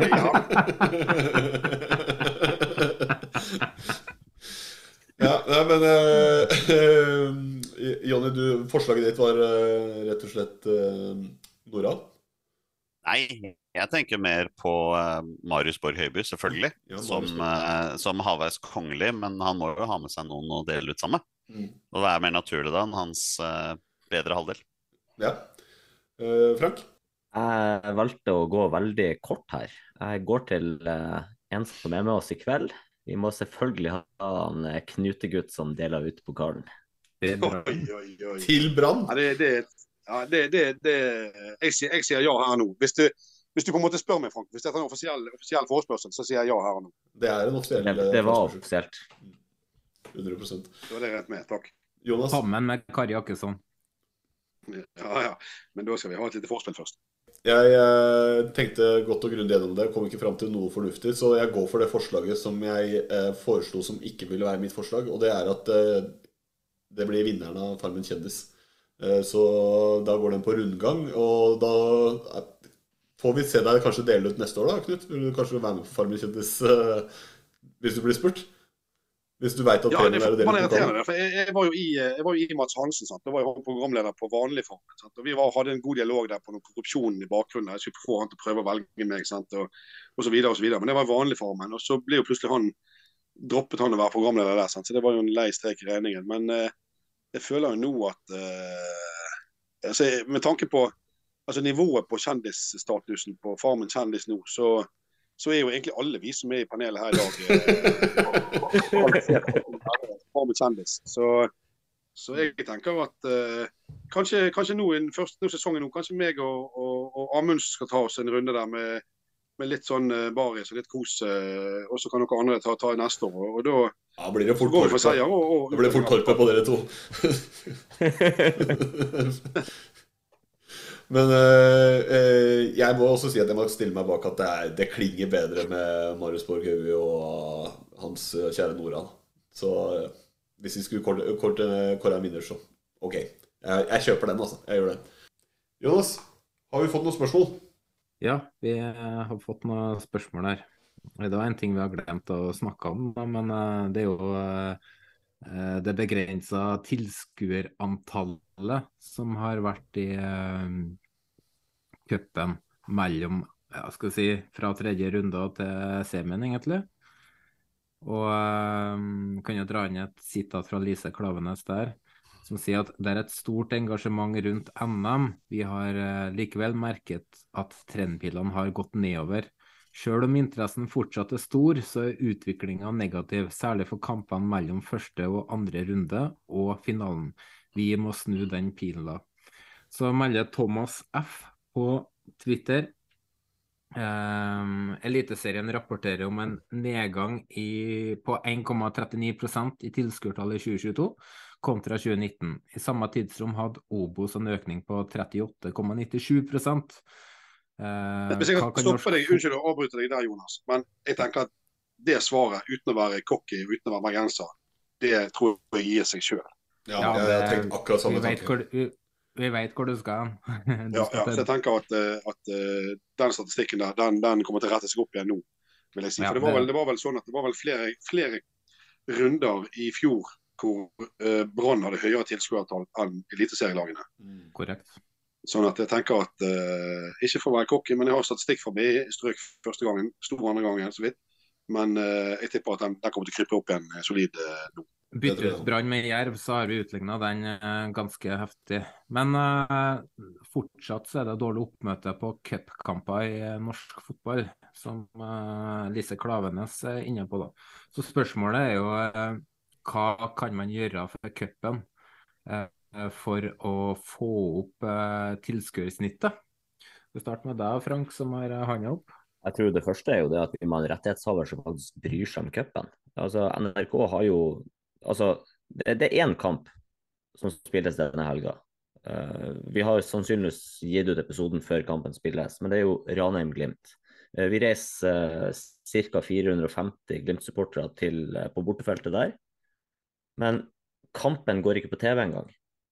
Den vises kun på nett-TV. Og da er det sånn, det er én kamp av åtte som vises denne helga, og NRK velger å ikke vise den i det hele tatt på noen av kanalene sine. Jeg må faktisk stille meg eh, veldig bak eh, Frank her. fordi at eh, Kvaliteten på sendingen til NRK også ikke minst. altså Det var bedre når Bodø-Glimt spilte mot Rosenborg i fjor og de filmet fra mobilen fordi de hadde tekniske problemer. og De filmet fra mobilen på, på Aspmyra i 10-15 minutter. Det var bedre sending enn det NRK klarer å levere i cupen. Altså, de har et lite Sony-kamera oppå taket eller noe sånt. Og, og, og NRK gir jo blank faen i cupen. Altså. Det er utrolig irriterende at de har lagt seg på den linjen de har gjort. Det, det syns jeg. Frank, kjør videre. Jonny? Ja, Det er vanskelig å være uenig med dere. Og det som irriterer meg skikkelig med det, er at NRK kan. Vi veit så innmari godt at NRK, NRK kan cupen. De har jo vært veldig gode på cupen i tidligere år. Og liksom bare det her med studio i tidligere runder hvor uh, Alexander Schou og um, Thomas Aune liksom vært og styra i studio og sånne ting. Det har vært, det har vært veldig ålreit. Det har vært veldig fint å liksom ha der. Så, så, det er det som plager meg veldig. At NRK som rettighetshaver de, de, har vist tidligere at de kan ta cupet på alvor. Så det, det, er ordentlig frustrerende, som Frank også sier, at, at de ikke gjør det. og og skal man klare å skape blest om noe, så må det liksom begynne et sted. Og da må man i hvert fall begynne med å kunne se, sende på TV. Ja, nei, jeg skulle bare slenge inn at uh, uten å dømme langrenn nord og ned, men kanskje de rett og slett må prioritere ressursene sine på femmila. Er det ikke den går ikke den på samtidig? Og at uh, det kan jo være det. Altså Jeg sier ikke at det er bra eller dårlig. Det er ikke det. Jeg bare sier som saksopplysning egentlig at det kan jo være at du må gjøre det. Nei, ja, nei, jeg er litt uenig med deg, Snorre. Fordi det er ikke femmila midt på sommeren. Og det er ikke femmila resten av året. Som NRK har liksom nedprioritert cupen gjennom hele sesongen. Ja, i tillegg, i tillegg så har jo i tillegg, NRK har jo basically utstyr, utstyr, til store produksjoner i nesten hver eneste by i Norge og hvert eneste tettsted, så har jo de både folk og utstyr og alt. Så det, det er jo rent logistikk, logistikkmessig så er det jo eh, og som, som Jonny også sier, NRK kan det jo. De er jo kanskje best i Norge på produksjon når de ønsker og de vil. Så er de jo kjempedyktige på dette. Sånn at uh, Det er jo et bevisst valg at de bare gir totalt faen. Et eksempel på at NRK har vist at de kan, er jo for fem år siden når Skeid møtte Vålerenga i cupen på Nordre Åsen. og Da var det stor greie rundt det. Det var 3000 tilskuere der, og de hadde flere kameraer. og De hadde, de hadde studio før og etter. og Det liksom, det skapte jo masse blest rundt den kampen der. Så nei, ordentlig frustrerende at NRK veit at de kan. De bare virker ikke å bry seg om det. Jeg skyter inn en ting til der, da. For uh, det går jo litt på uh, tilskuerantall òg. Uh, og da må jo klubbene eh, gå litt i seg sjøl òg. Har de reklamert for kampene på en god nok måte? Har de priser som er, som er, mm, er passende i forhold til hvordan oppgjør det er snakk om? Eh, og så må vi ta med i betraktning om at eh, så vidt jeg vet, så er vel alle cuprunder midtukekamper klokka seks. Det gjør det utfordrende. Mange jobber det til fem-seks. Eh, kan man finne smutthull for å få eh, cupkamper inn i helgen? Vi har en eh, provoserende lang ferie midt på sommeren når eh, baneforholdene er på det beste. Eh, Kjetil Knutsen snakker jo om å gjøre sesongen lenger. Hvis så skjer, så har man i hvert fall eh, rom for å få inn noen cuprunder i midtukene. Men det jeg reagerer på eh, i forhold til publikumsoppmøte, er jo den manglende reklamen som er inn mot cupen. Vi hører ingenting, vi leser veldig lite i media om cupen, eh, annet enn sosiale medier, egentlig. Denne sesongen her så er jo cupen lagt opp på en veldig interessant måte. For det var jo bred enighet blant klubben om at de ville ha hele cupen innenfor én sesong. I år så mener jeg at første runde er i midten av mai, og jeg tror de skal prøve å få de fire eller fem første rundene i løpet av halvannen måned der, så vi får veldig tett opp med cuprunder. Jeg tror første, andre og tredje runde går tre onsdager på rad, eller noe sånt. Så det blir også veldig interessant når de skal begynne å trekke og når klubber plutselig må begynne å booke flyturer og sånne ting også, hvordan da klubbene også skal begynne å reklamere for dette her. Så jeg tror, tror det året her nå blir fryktelig interessant blir et veldig interessant cupår, når man liksom ser på den oppsett der. Sesongen her, ja. Men uh, for min sin del så går argumentene tilbake til 2019-årene før, da, hvor det har vært manglende dekning inn mot uh, cuprundene som er. Men uh, hvis ingen har noe å tilføye, så kan vi gå videre på uh, spørsmålene der. Daniel Holmeid, uh, Holmeide Strand. Spørsmål til Jonny. Hvorfor bør folk komme på Skeid-kamp i år? Jeg spør på vegne av en venn. Det er, når det først skal komme et spørsmål fra Daniel Holmeide Strand, så er jeg utrolig imponert at det var det noe av de snilleste spørsmålene han kom med noen gang omtrent. Jeg har skrevet tre argumenter til hvorfor folk bør komme på Skeid-kamp i år. Nummer én, splitter ny hovedtribune med tak. Det kommer til å bli ordentlig vakkert, og det gleder vi oss skikkelig til. Altså Vi skeidoksene får et eget ståfelt på, på den tribunen. Det kommer til å bli ordentlig bra. Eh, og så har jeg skrevet at Skeid er jo byens kuleste alternativ til Vålerenga. For de som er fotballinteressert, som har lyst til å prøve noe annet. Altså, ingen bryr seg om KFM Oslo. Altså, Det er så vidt noen som bryr seg om Grorud som er der oppe. Og ja, greit, de er på vei opp, men, de har, men det er Lyn. Det er, altså, det er vestkanten. Det er ingen som syns noe er kult på vestkanten. Så jeg mener at Skeid liksom er det kuleste alternativet der. Og det siste, og kanskje viktigste, er at vi har norsk toppfotballs aller beste pølser fra Strøm Larsen, som selges i kiosken. Eh, Jeg må, bare skyte, må bare skyte inn at jeg backer uh, Jonny veldig eh, på at uh, det er uh, absolutt verdt å dra til Skeid. Jeg hadde et anstrengt forhold til det som sagt innledningsvis uh, som aktiv spiller selv, men hvis jeg skulle dratt og sett et annet Oslo-lag, Skeid selvsagt. Og eh, mange sier 'savner du Lyn'? Ikke i det hele tatt. For kan vi ikke bare sende Skeid opp isteden, så kunne vi fått noe sinnssykt fett oppgjør.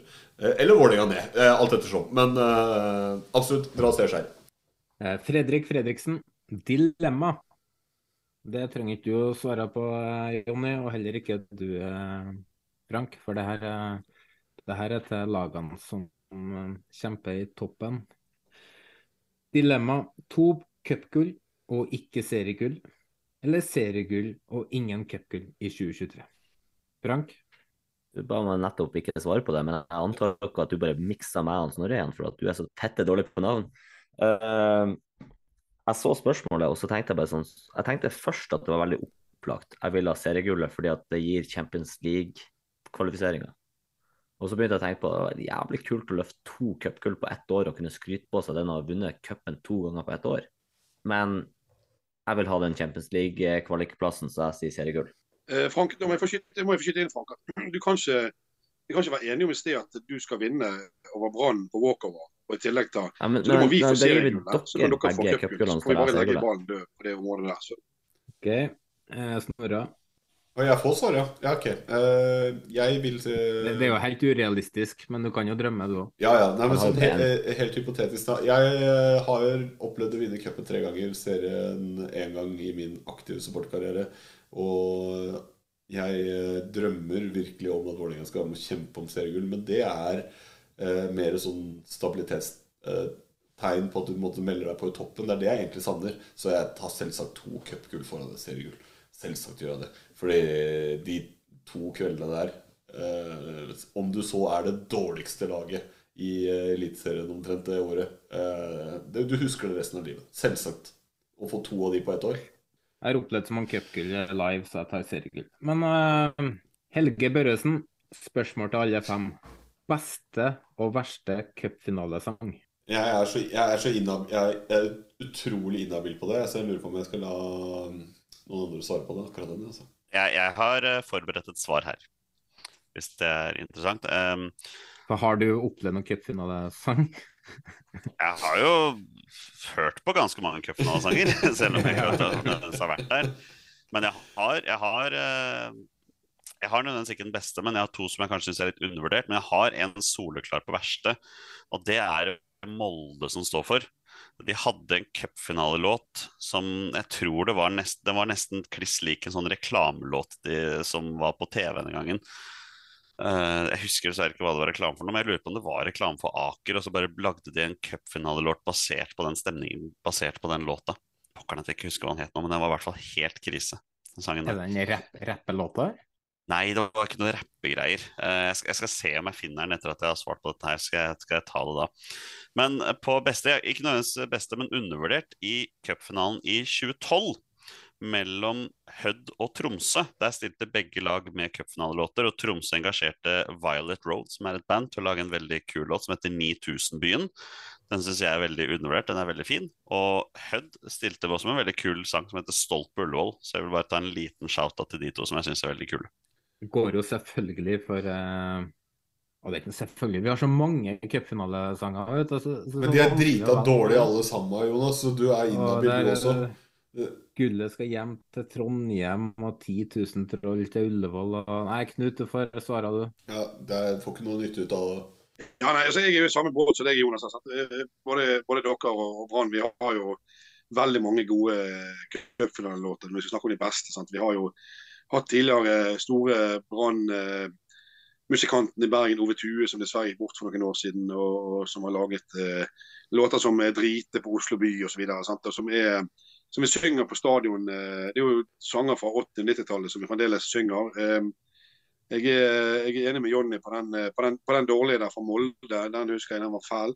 Eh, det er, jo, det er jo ganske mange kleine når vi ser på dårlige låter, så er det ganske mange kleine og dårlige cupfinalelåter som ikke tåler dagens lys uh, i det hele tatt. Men, uh, men, samtidig så er det veldig mange bra. Uh, Glimt har hatt noen fine. og, og Snorre, klart at klubben din Dere er fine, dere har gode låter og dere er flinke på dere er flinke på å synge, så dere har noen fine låter. Jeg vil ikke gå inn på noe, for det, det, det, blir for vanskelig for meg som brann å si noe pent eh, om Vålerenga sine sanger uten at de, de, er, de, er mye bra. Men, eh, men eh, Jonas Rosenborg også har noen jævla gode, gode låter.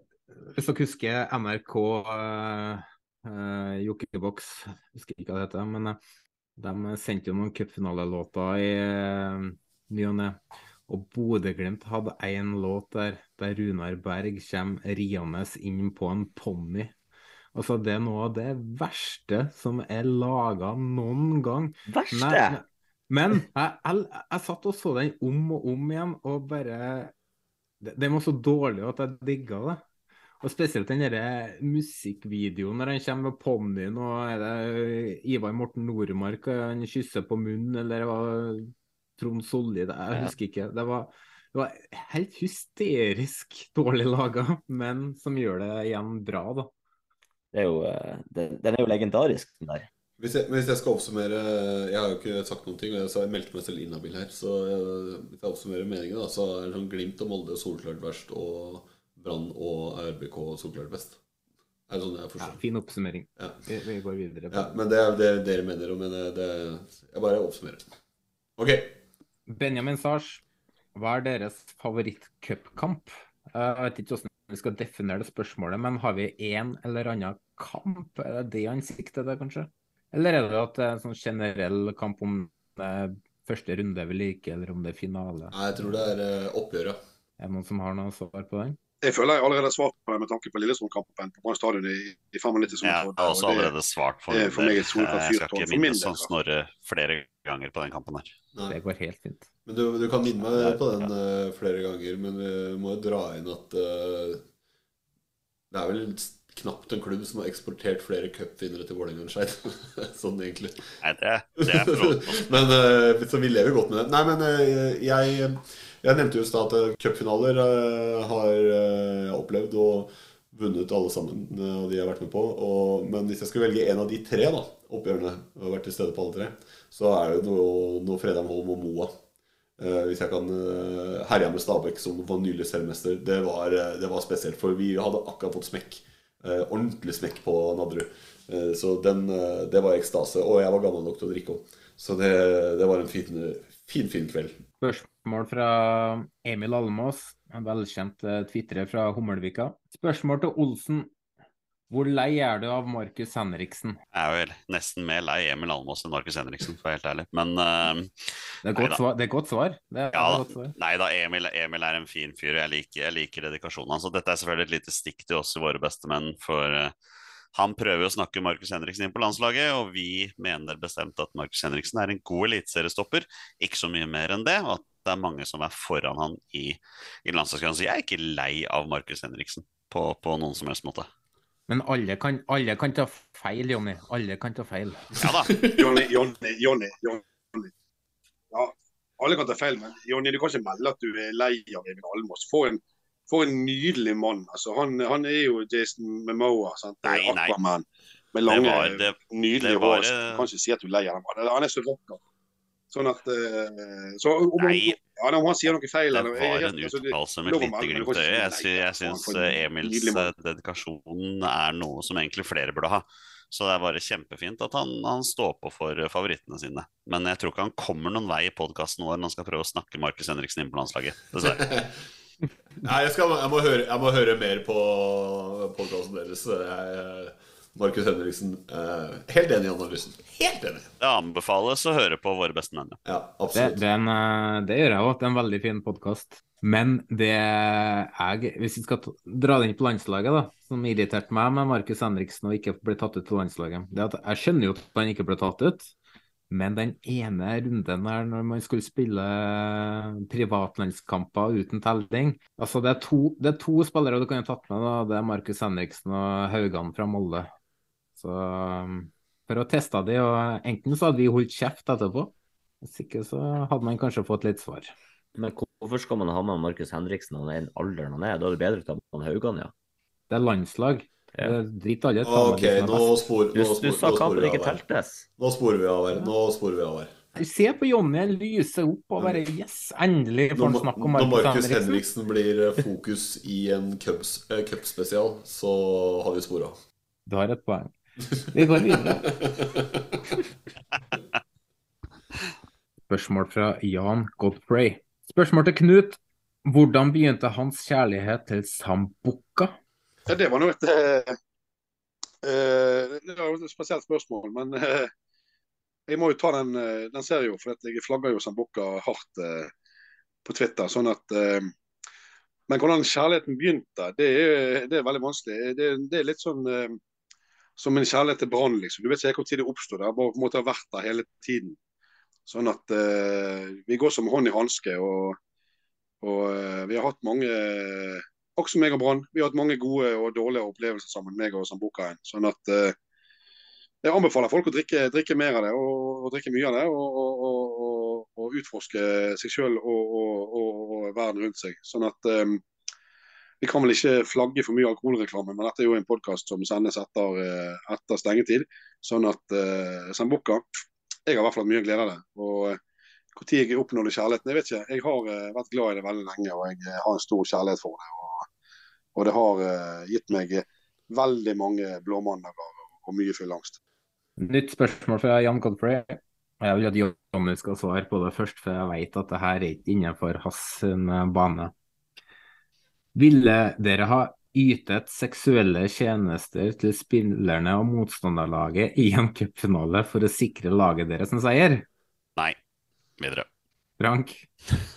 Eh, Utdyp. Jeg, lytter. Videre. Eh, Hadde du gjort det, Knut? Klokkerent ja.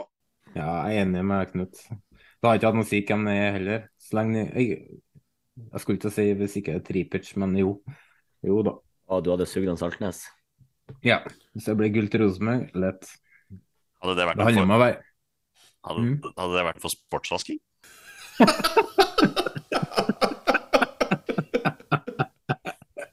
Han eh, måtte i hvert fall vasket seg eh, først. En ny type sportsvasking. Siste spørsmål fra Jørn Henland. Er det et annet lag enn de dere heier på, dere hadde unnet å vinne cupen? Eh, ja, eh, Skeid, som sagt. Skeid. 100 Skeid. Jonny? Nei, jeg, jeg, nå tør jo ikke jeg å si noe annet enn Brann, men jeg har jo vært veldig ærlig på at jeg har bodd fem år i Bergen mens jeg studerte og jobbet, og har, eh, har et godt øye til Brann, så jeg unner gjerne Brann et cupgull til. Frank? Nei, jeg tenker at når hvis uh, underlog-historien vår eh, kan bli virkelig, så eh, sender han Jonny hele veien. Norre? Ja, men altså, jeg er jo sucker for gruppepress, men samtidig har jeg også sagt uh, dra og se Skeid, så selvfølgelig hadde unna Skeid et uh, cupgull. Det er 50 år siden sist. Det er på tide. Cupgullet til Hødd var jo utrolig kult, så uh, ja. Jeg er veldig enig, for jeg vet hvem det var som var motstander. Ja, ikke sant. Eh, vi nærmer oss eh, slutten. Ja. Eh, kan jeg ta med det at eh, vi skal spille inn neste episode på onsdag. Og da får vi en eh, fin gjest, vet du. Ikke så fin som de to vi har i dag. Mm, Ja, på nivå. For meg personlig så setter han litt over. Men uh, skjønner hvis ikke dere gjør det. Men please, da- kjære lytter, ikke styr dine personlige preferanser etter Jonas sine personlige preferanser. Mine pers Det gjelder jeg generelt har i satt livet. karen Jeg har satt karen her foran uh, kong Harald og uh, Kari Jakkesson. mange. Kari Jakkesson kan gå og gjøre noe som jeg ikke kan si på tape. Men uh, vi får gjest, og det er Kjetil Rekdal. Så um, det blir utrolig artig. Jeg regner med det kommer inn masse spørsmål, så vi håper på en eh, god episode med han. Som sagt, innspilling på onsdag. Det er selvfølgelig Frank som har ordna med han som gjest. Har du avslutninga? Ja, Det, det var det. Du må jo takke gjestene. Ja, jeg skal det. Du skal, skal det. takke mange, Ja, Snorre. Ja, ja, ti- Ja, men altså, helvete, nå. Nå, jeg har, jeg er har jo et helt notat her. Gutta krutt er Nå er, nå er det, nå er det mange kokker. Ja, nei, men Å sittet her i tre og en halv time på en fredagskveld, kan du i hvert fall få en tak for at vi gadd dette. Ja, ja, ja. Men det- altså, er- hvis dere ikke slutter nå, så er det det her som blir avslutninga. så det er kanskje like greit. Nei, Ja, men det er fin, det er en ryddig avslutning. Det er en ryddig avslutning. Jeg syns det er greit.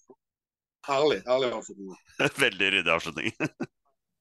Men bare for å være helt sikker, da, så spiller vi det litt nå også. Hvor jeg sier at eh, vi har lyst til å sende tusen takk til alle som har lytta på. Tusen eh, takk til alle spørsmål som blir sendt inn. Tusen takk selvfølgelig til eh, Jan Erik Balto, eh, som ikke bare designer eh, eh, logo og bilder, gjestebilder og sånne ting, men også har opprettet en nettbutikk for oss i på t-shirt.no. Hvor man kan få kjøpe caps og skjorter og kaffekopper og det som mer er. Og eh, har eh, bistått oss egentlig siden før vi slapp en episode, så tusen hjertelig takk for det. Eh, Sjekk eh, ut eh, sida. Og eh, selvfølgelig en stor takk som alltid til eh, Jesper Horten Kjærnes for jingler, Vestfold Lydstudio for eh, introlåt, og uh, igjen Iver for podkastutstyr. Men Gutta Krutt sitter og venter på det. Tusen, tusen hjertelig takk, Jonny Normann Olsen og Knut Høybråten, for at dere satte av eh, ikke mindre enn en stor andel av fredagskvelden deres til eh, å være med og prate om cupen. Jeg har storkosa meg, og jeg håper vi kan få dere tilbake på en annen anledning, om så hver for dere, men forhåpentligvis sammen. Tusen hjertelig takk. Håper dere har kosa dere. Takk for oss. Jo, dette har vært kjempegøy, så uh, tusen takk for at uh, jeg ble invitert. Og jeg kommer selvfølgelig igjen som gjest neste gang hvis jeg får mulighet til det. Takk for oss uh, på vegne av både meg og Jonny. Og jeg er spent på hvilken avslutning du faktisk velger å klippe inn. For det var to alternative avslutninger. Men det får vi bare se hva du ender opp med. Ståle. Ja, jeg skal sette meg ned med det om ikke så lenge, så det, vi, vi skal se på det. Men uh, tusen takk uh, for det. Og vi uh, gjør som vi alltid, kjører eh, avslutning og sender noen til eh, 69-himmelen. Men kan det være en cupvri denne gangen, tro? Vi skal til eh, cupfinalen. Den største enkeltkampen i sesongen for spillere i norsk klubbfotball. Vi skal også til år 2000. Y2K. Da alt skulle gå i stå. Ikke for alle, det vet vi jo i dag. Men for uh, Hannu. Hannu Tiinen fra Finland skulle hjelpe Viking til cupgull denne høstkvelden, men akk, nei. Det starter bra for venstrebekken og resten av Viking. Bjørn Dahl sender Viking foran mot Odd rett før pause. Men akk, nei. Allerede i det 65. minutt, et helt ubetydelig tall for øvrig, så skårer Hanutinen selvmål, og lagene er like langt. Det går en faen i han. Han skal snu dette, han skal blidgjøre gudene. Akk, og dobbelt akk. Overtenning. Må rekke den ballen, for sent ute. Faen! Sist på ball, rett i gresset, gult kort. Uret viser 69 minutter. Må passe seg nå, ikke bli for ivrig. Og kanskje er det akkurat denne positiviteten som gjør at han ikke kan trøkke ordentlig til i ekstraomgangene. Ekstraomganger hvor Odd snur kampen og blir norgesmester med 1-2 over Viking. Men du får din oppreisning. For vi, vi sender deg til himmelen for dine verste fire minutter på en fotballbane. Hannu Tinen, velkommen til 69-himmelen, for opp er ned, og ned er opp. Tinen.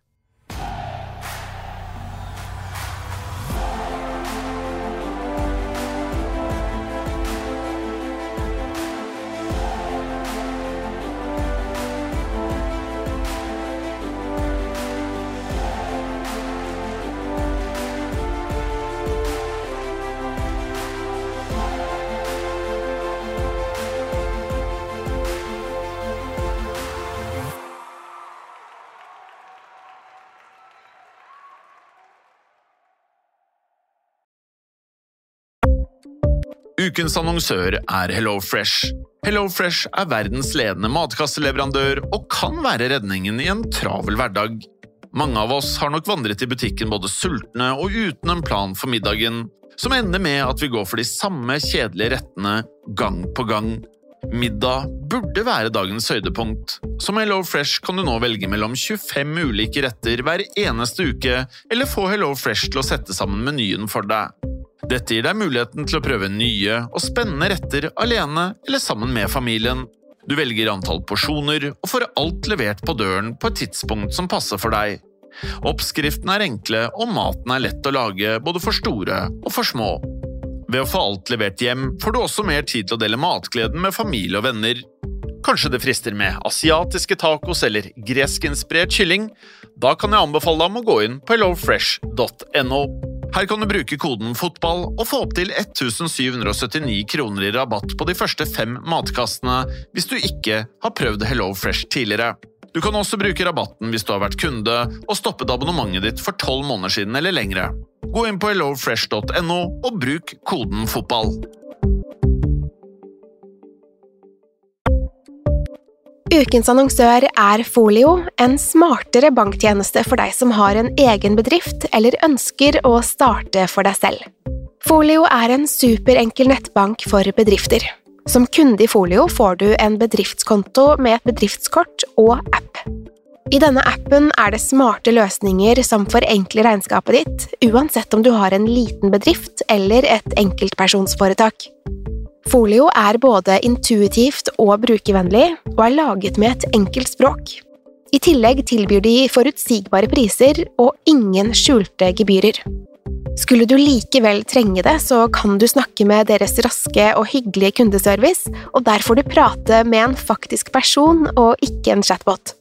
Folio er med andre ord både enklere og koseligere enn banken. Over 10 000 bedrifter har allerede valgt Folio som sin banktjeneste, så besøk folio.no og se hvordan Folio kan forenkle din hverdag også. Har du et enkeltpersonforetak eller en liten bedrift? Da er du sikkert lei av å høre meg snakke om hvor enkelt det er med kvitteringer og bilag i fiken, så vi gir oss her, vi. Fordi vi liker enkelt. Fiken superenkelt regnskap.